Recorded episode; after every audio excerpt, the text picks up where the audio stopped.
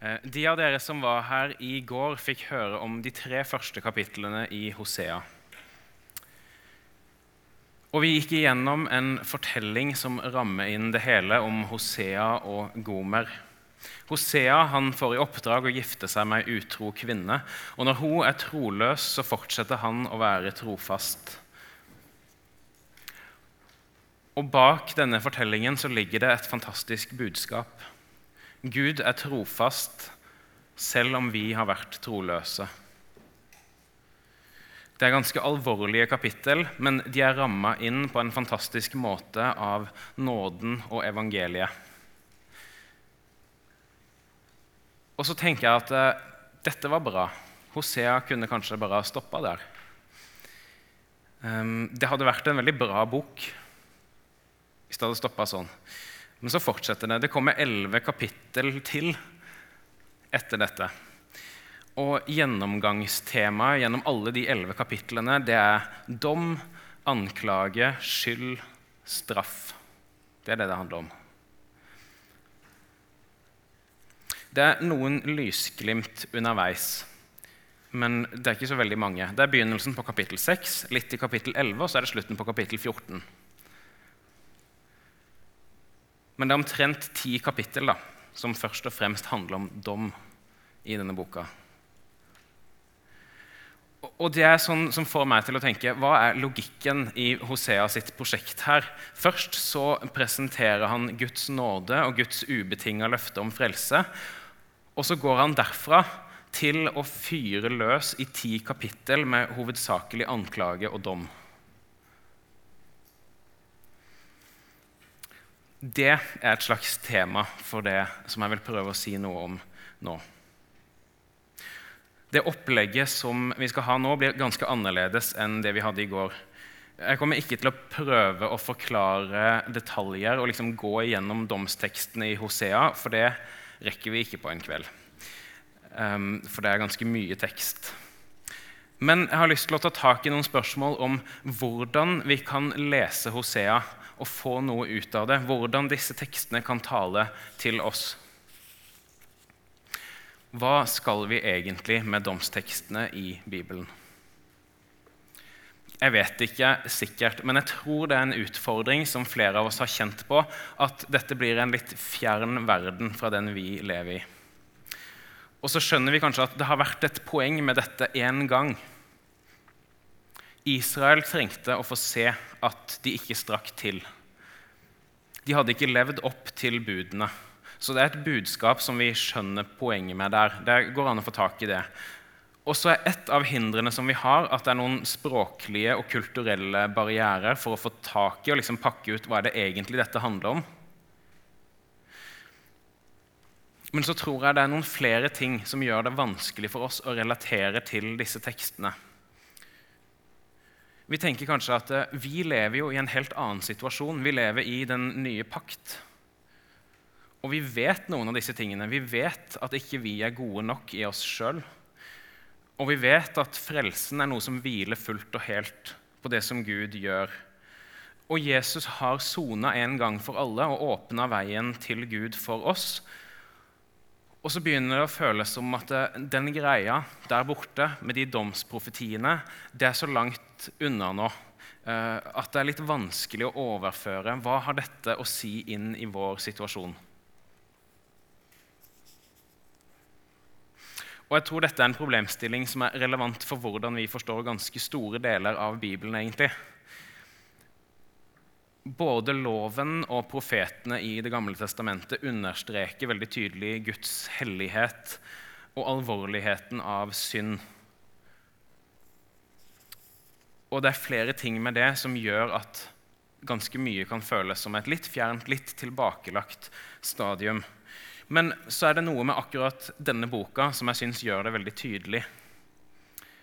Nettopp fordi at Hosea han vet så klart om Guds nåde. Og det er hele utgangspunktet hans. Han setter det som et tema i starten av boka. Han har vist at folket bryter pakten, og det er et problem, og at Gud på en eller annen måte må gjenopprette forholdet, og at det er han som må gjøre det. Og han vet at Gud vil gjøre det. For han har bundet seg til folket med ubetinga løfter. I går så vi eksempel på hvordan Guds nåde og trofasthet er tema på flere måter gjennom kapittel 1-3. Vi leste f.eks. Eh, i vers 1-10 eh, at der det før ble sagt til dem 'Dere er ikke mitt folk', skal det sies 'den levende Guds barn'. Det snakkes flere steder i de kapitlene vi allerede har gått igjennom, eh, om noe som skal skje, ubetinga løfter om nåde. Og så kan vi ta en tur innom de andre tre avsnittene som jeg også nevnte. Hvis vi blar til kapittel 6, så har vi en spennende profeti der også. Det står Kom, la oss vende om til Herren, for han rev i stykker, men vil helbrede oss. Han slo, men vil forbinde oss. Han gjør oss levende etter to dager. Den tredje dagen reiser han oss opp så vi kan leve for Hans ansikt. La oss lære å kjenne Herren, la oss jage etter å kjenne Ham. Sikkert som soloppgangen kommer Han. Han kommer til oss lik regnet, lik vårregnet som hveter jorden. Det er noen veldig spennende ting her eh, om å bli oppreist på den tredje dagen. Interessante ting. Um, men det som jeg vil at vi skal merke oss spesielt nå, er at uh, Hosea er helt sikker på at Gud vil frelse. Det er sikkert som soloppgangen og regnet, sikkert som en naturkonstant. Eh, og jeg sa litt om det i går, at det handler ikke om at Gud er som et naturfenomen eller som en maskin. Men vi kan være så sikre på at det vil skje, fordi Gud er helt bestemt på at han vil frelse sitt folk. Så kan vi bla til kapittel 11 også.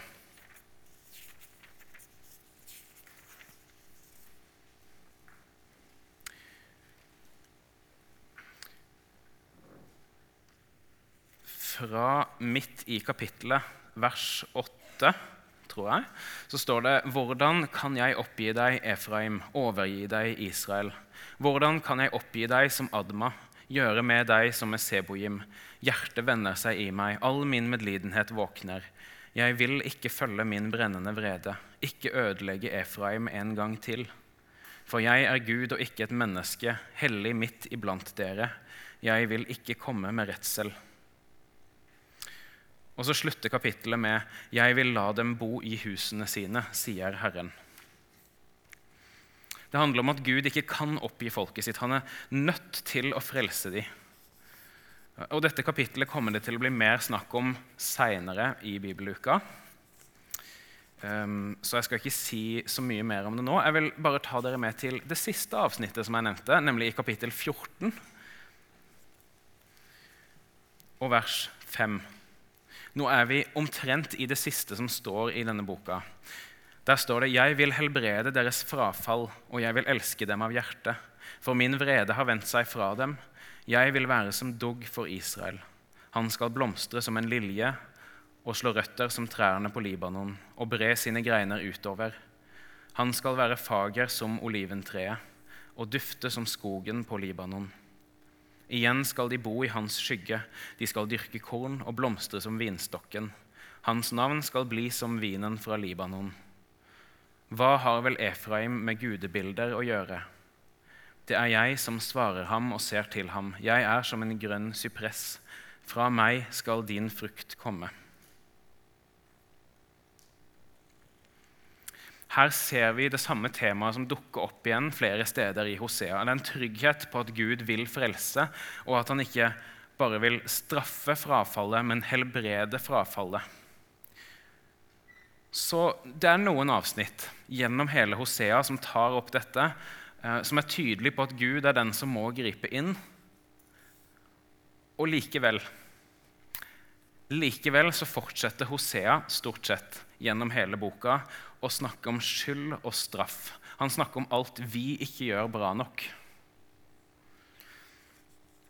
Hvis vi slår opp hvor som helst ellers i denne boka, jeg er ganske sikker på dette, hvis du slår opp hvor som helst ellers, så vil du finne en mørkere tone enn det vi har sett nå. For eksempel, hvis vi bare tar det første eksempelet vi kommer til, kapittel 4 um, så er det en litt annen tone. Hør Herrens ord, dere Israels barn. Herren fører sak mot dem som bor i landet. For det er ingen troskap og ingen kjærlighet og ingen kjennskap til Gud i landet. Forbannelse og løgn og drap og tyveri og ekteskapsbrudd brer om seg. Med blod følger mer blod. Derfor skal landet sørge, og alle som bor der, skal tørke bort. Sammen med dyrene på marken og fuglene under himmelen. Selv fiskene i havet skal utryddes. Og Se på konklusjonen i vers 10. De skal spise og ikke bli mette, hore og ikke bli mange. Herren har de forlatt for å gi seg over til hor. Gammel og ny vin overtar hjertet. Her ser vi et eksempel på at hor som bilde, som vi hørte om i går, tas opp igjen flere ganger gjennom denne boka. Poenget er at Israel er som en utro kone for Gud. Og dette utvikles gjennom boka, og det dukker opp flere ganger. Oppsummert så er det sånn at prestene i landet er utro. De går til Baal i stedet for Gud. Kongene i landet er utro. De går til Egypt og Asyria i stedet for å søke sikkerhet hos Gud. Og folket har også blitt dratt med i dette de holder ikke Guds lov, og dermed så oppstår det et moralsk forfall, og det oppstår urettferdighet i landet.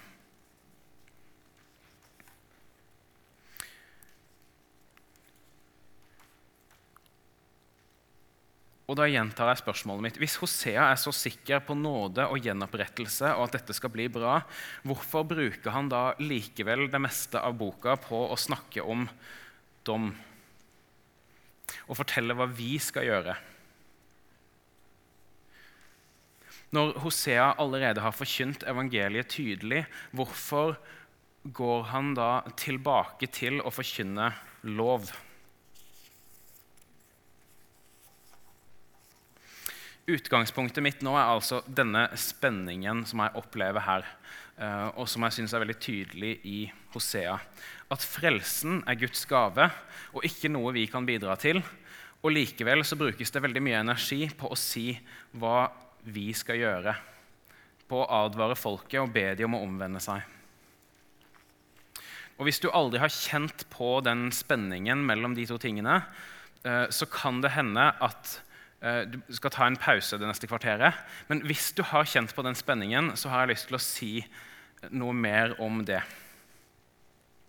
Fordi For min egen del så er dette et tema som jeg måtte komme tilbake til flere ganger og jobbe med om igjen og om igjen, og fortsatt ikke føle meg utlært i på noen måte.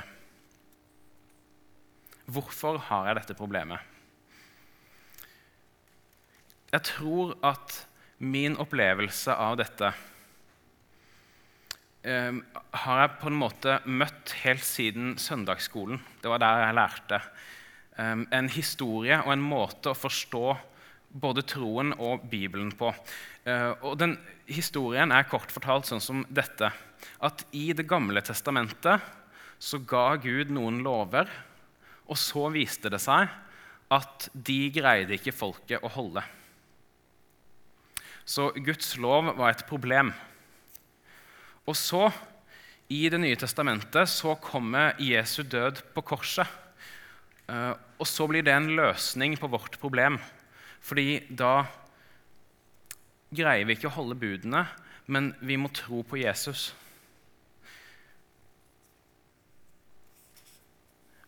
Og problemet, Et av problemene er jo at det er veldig riktig.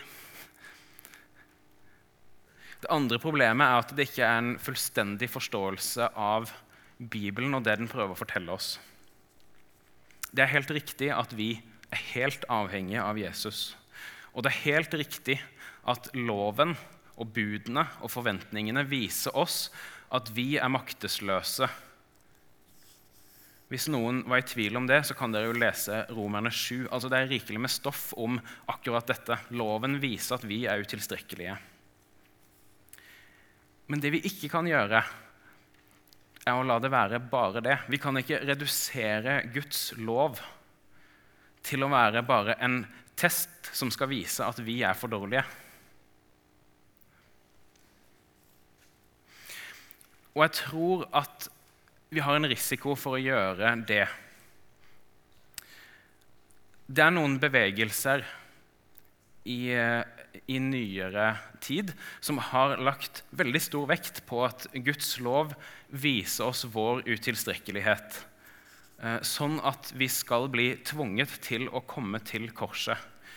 Og det er veldig bra, men det har utvikla seg til et eget språk. Eh, og da begynner det å bli litt interessant. Eh, man snakker om å leve under loven og å leve under nåden som to forskjellige stadier i et kristenliv. Og En interessant effekt av dette er at vi kan oppleve det, mange av oss kan oppleve det som litt fromt hvis noen sier 'Jeg er så stor en synder'. Det er paradoksalt at det kan oppleves som en veldig from ting å si. Det er noen som har foreslått uh, at hvis du hører det, så kan du jo prøve å svare um, ja, det er du jammen. Så får du kanskje se hvor dypt det stikker. Um, men det er en digresjon. Uh, poenget er at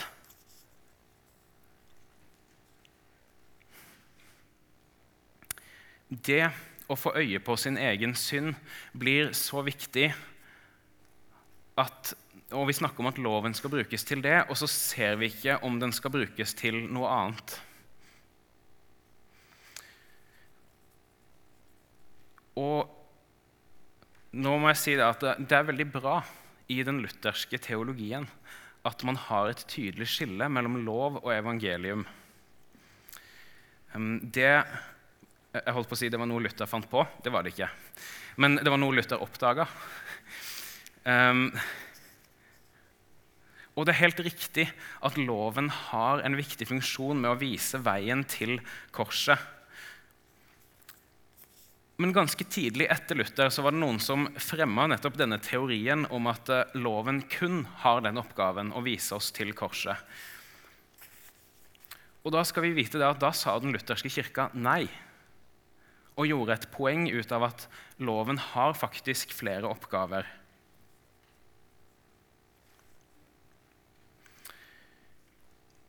Det har vært et poeng å si at loven både skal vise oss til korset, men den skal også fortsette å instruere oss og hjelpe oss på en positiv måte etter at vi har tatt imot nåden. Sånn at Hvis vi har fått det inntrykket av at vi har loven først, som er problemet, og så kommer nåden som løsningen på det, så er det trygt eh, å prøve å nyansere det bildet litt uten at vi risikerer å bli ulutherske bare så dere vet det. Um, og så tror jeg vi har noen gode grunner til å gjøre det også. Jeg kjenner i hvert fall noen som syns at eh, kristendommen egentlig er ganske spennende. Men så virker det så veldig usaklig at, man, at Gud bare tilgir sånn uten videre. Hvis man bare angrer eh, og ber om tilgivelse, så er alt mulig greit. Hvor blir det av ansvaret vårt da?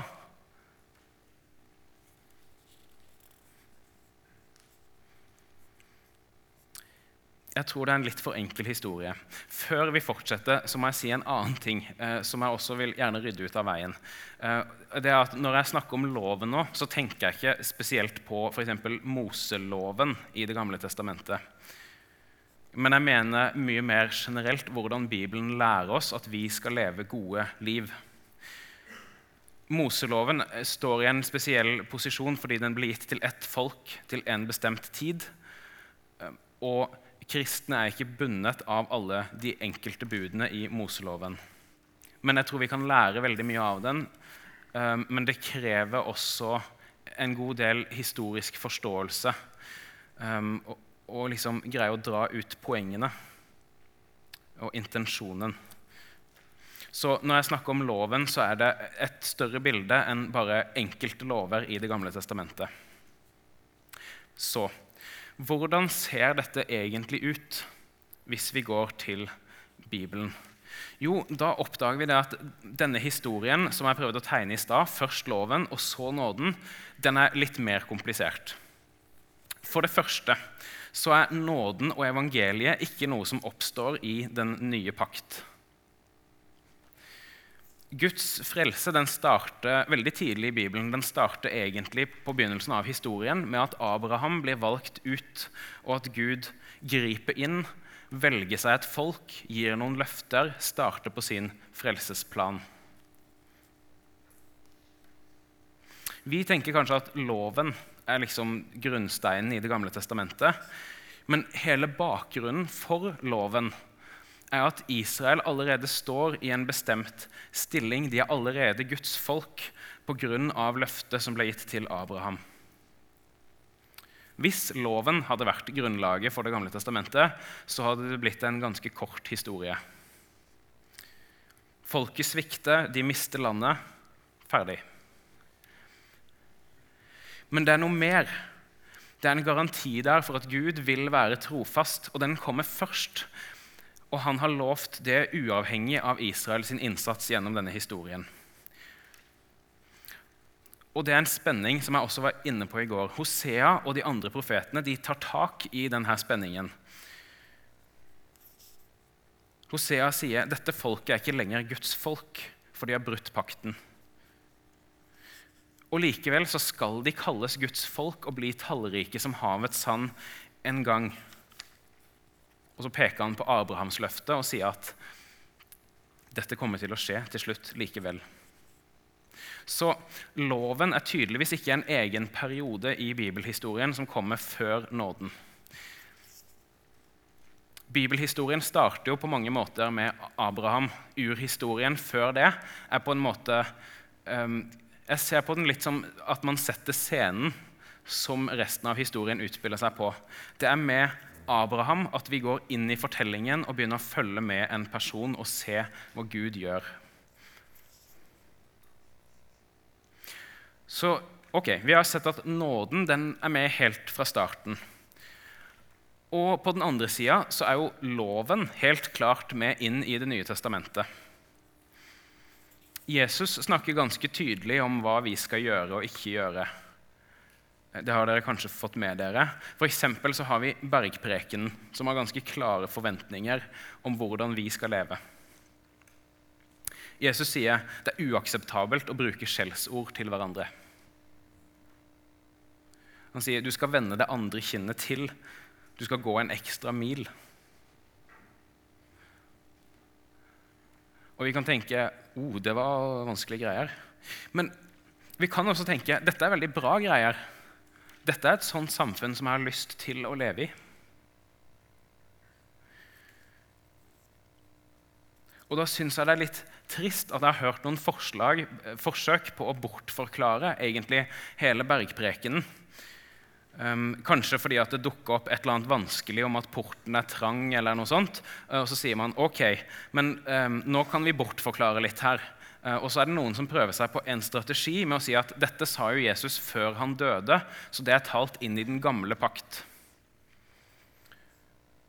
Eller så kan man si at uh, bergprekenen det er nettopp en lovtale, så den skal først og fremst vise at vi er utilstrekkelige.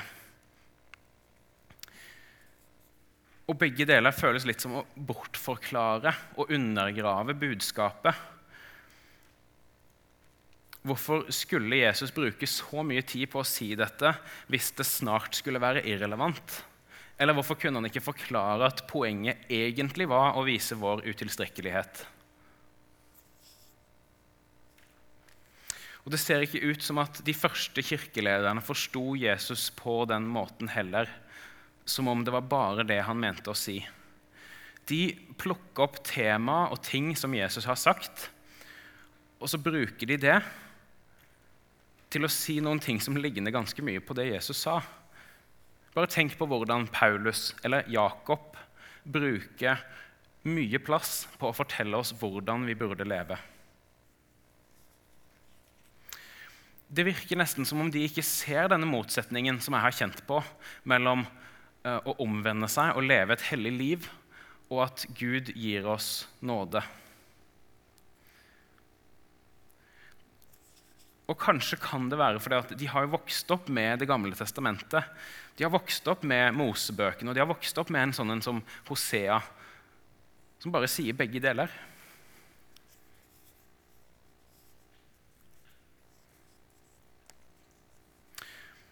Så hva er det egentlig loven i Bibelen vil oss.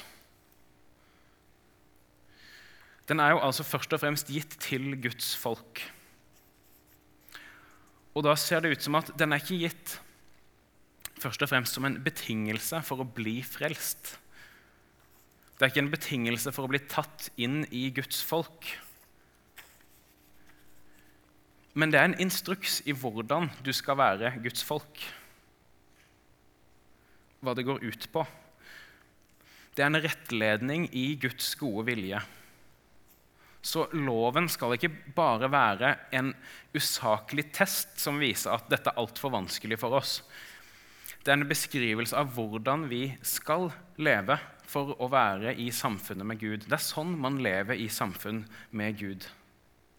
Eller tror vi virkelig at Gud brukte hundrevis av år på å fortelle israelsfolket hvordan de skulle forholde seg til en hellig Gud, bare for å si at det var ikke så viktig likevel?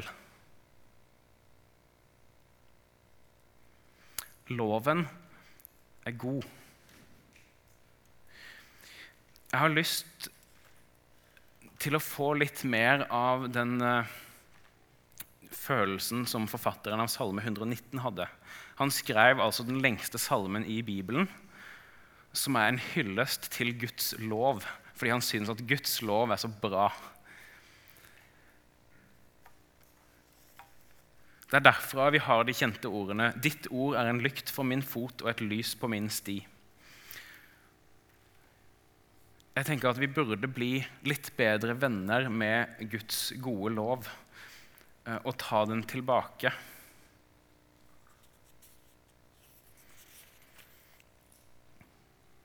Og jeg tror den er bakgrunnen for de utfordringene som vi finner i Det gamle testamentet. Frelsen er Guds gave, og han har tatt til seg et folk. Men så må folket leve etter hans vilje, og det er ikke vi i stand til av oss sjøl. Og da blir det en mismatch mellom det vi er kalt til, og det vi er i stand til. Vi trenger tilgivelse for lovbruddene våre, og Gud tilgir igjen og igjen. Og så må det skje noe mer enn det. For at det skal bli en varig og god løsning, så må vi bli nye skapninger. Og det er Hosea inne på, vil jeg si. Han sier at Gud må helbrede vårt frafall. Vi må få et nytt hjerte for å kunne leve i fellesskapet med Gud.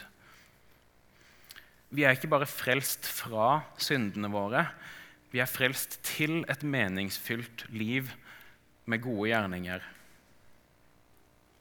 Og derfor, ut av denne spenningen, så ser profetene i Det gamle testamentet fram mot en tid når Gud skal gi folket et nytt hjerte.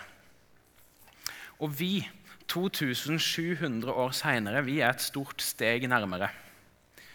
Vi har fått Den hellige ånd som en støtte og som et tegn, et pant på noe mer som skal komme. Men vi står fortsatt altså i en kamp mot synd og mot alt vondt. Og Derfor tenker jeg vi har fortsatt bruk for en Hosea som roper og ber om at vi må omvende oss, og som sier dette er alvor.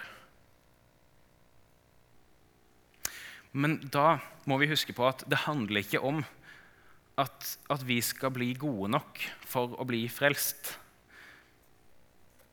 For det har Hosea aldri ment. Han visste det. Frelsen har alltid vært Guds gave. Og det sier Hosea tydelig.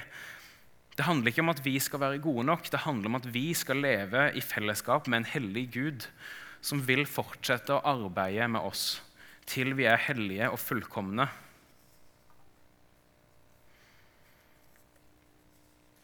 Å leve som et menneske i Guds verden det innebærer å være i et rett forhold til Gud, ta vare på hverandre og forvalte skaperverket på en god måte. Det er det Guds gode lov handler om. Og Da tenker jeg vi kan fortsette å lese Hosea som et dagsaktuelt budskap om hva Gud synes om synd.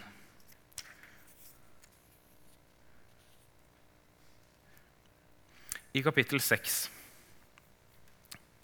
fra vers 4 står det f.eks.: Hva skal jeg gjøre med deg, Efraim? Hva skal jeg gjøre med deg, Juda? Kjærligheten deres er som en morgensky, lik dugg som blir tidlig borte.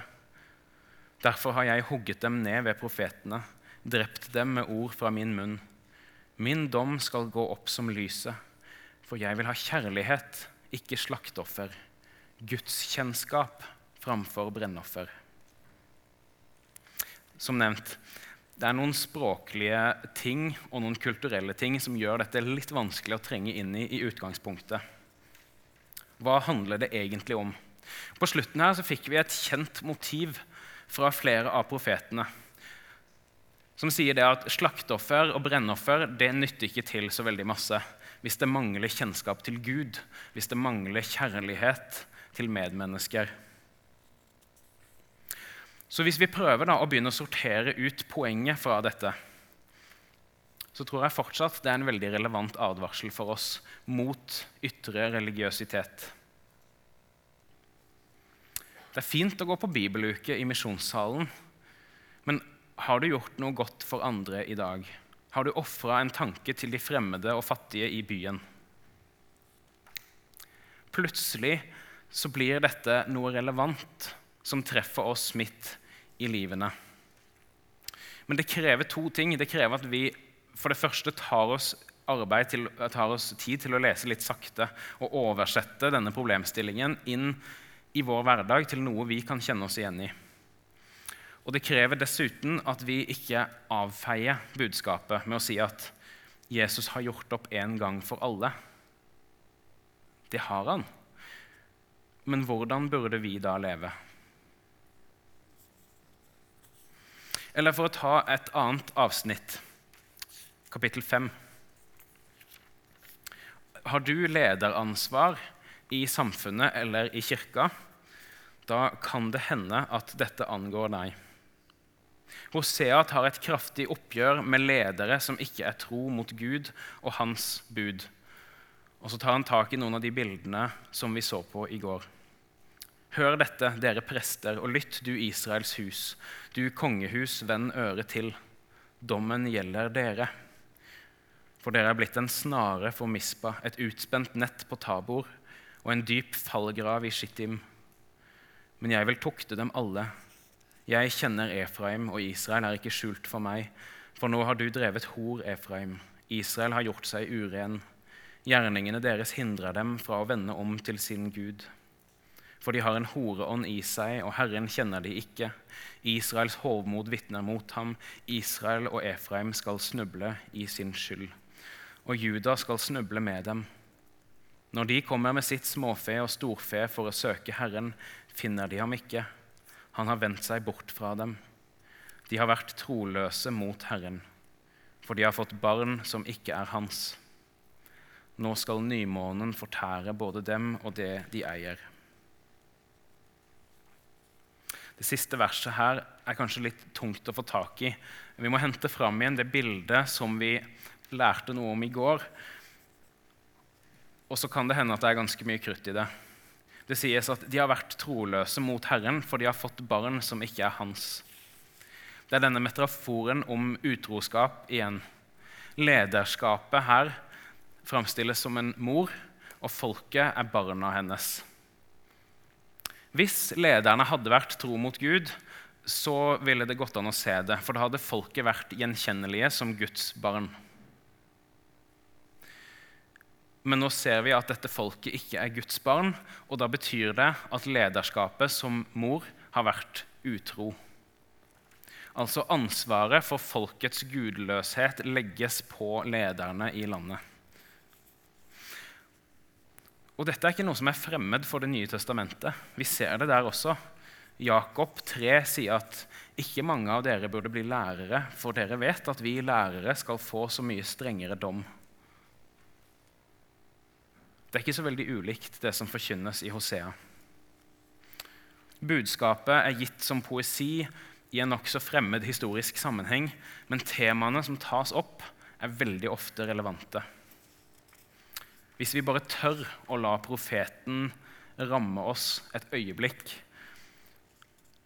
og kjenne litt på at loven i Bibelen gir oss en retning for livene våre, så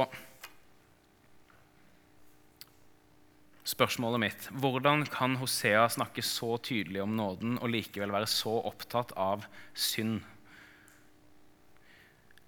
Jeg tror vi aner noe av det som er et viktig kristent konsept.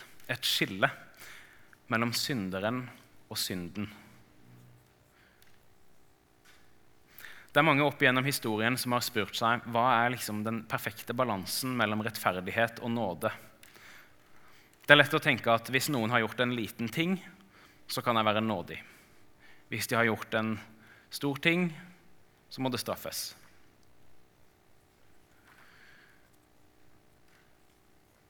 Og så er det liksom ikke helt tilfredsstillende å drive og leite etter den balansen.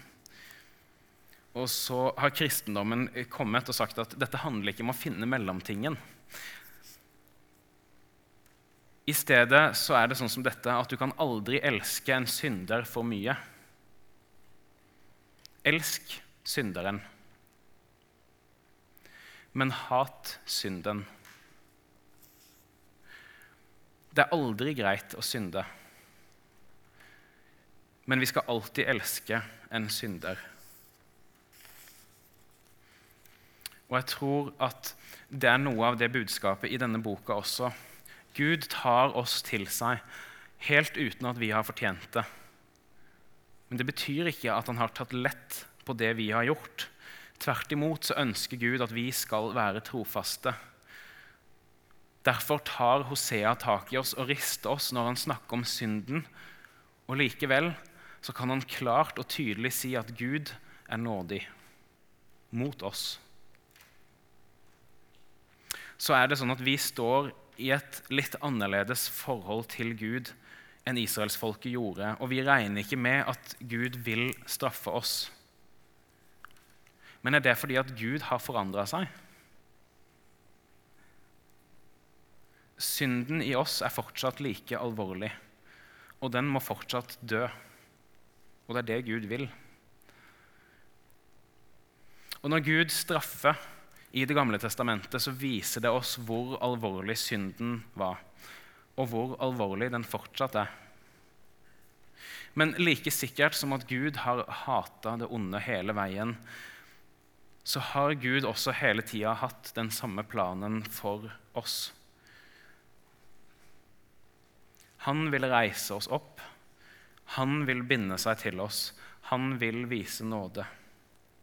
Gud er den samme til evig tid.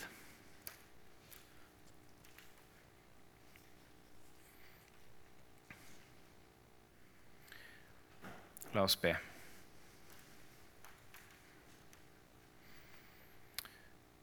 Gode Gud, takk for at du alltid er og alltid vil være den samme. Vis oss alvoret i din lov og din vilje, så vi ser at vi trenger nåden men la den også hjelpe oss og rettlede oss i livene våre. Hjelp oss til å se at din vilje for oss er god. Hjelp oss til å leve som dine barn. Amen.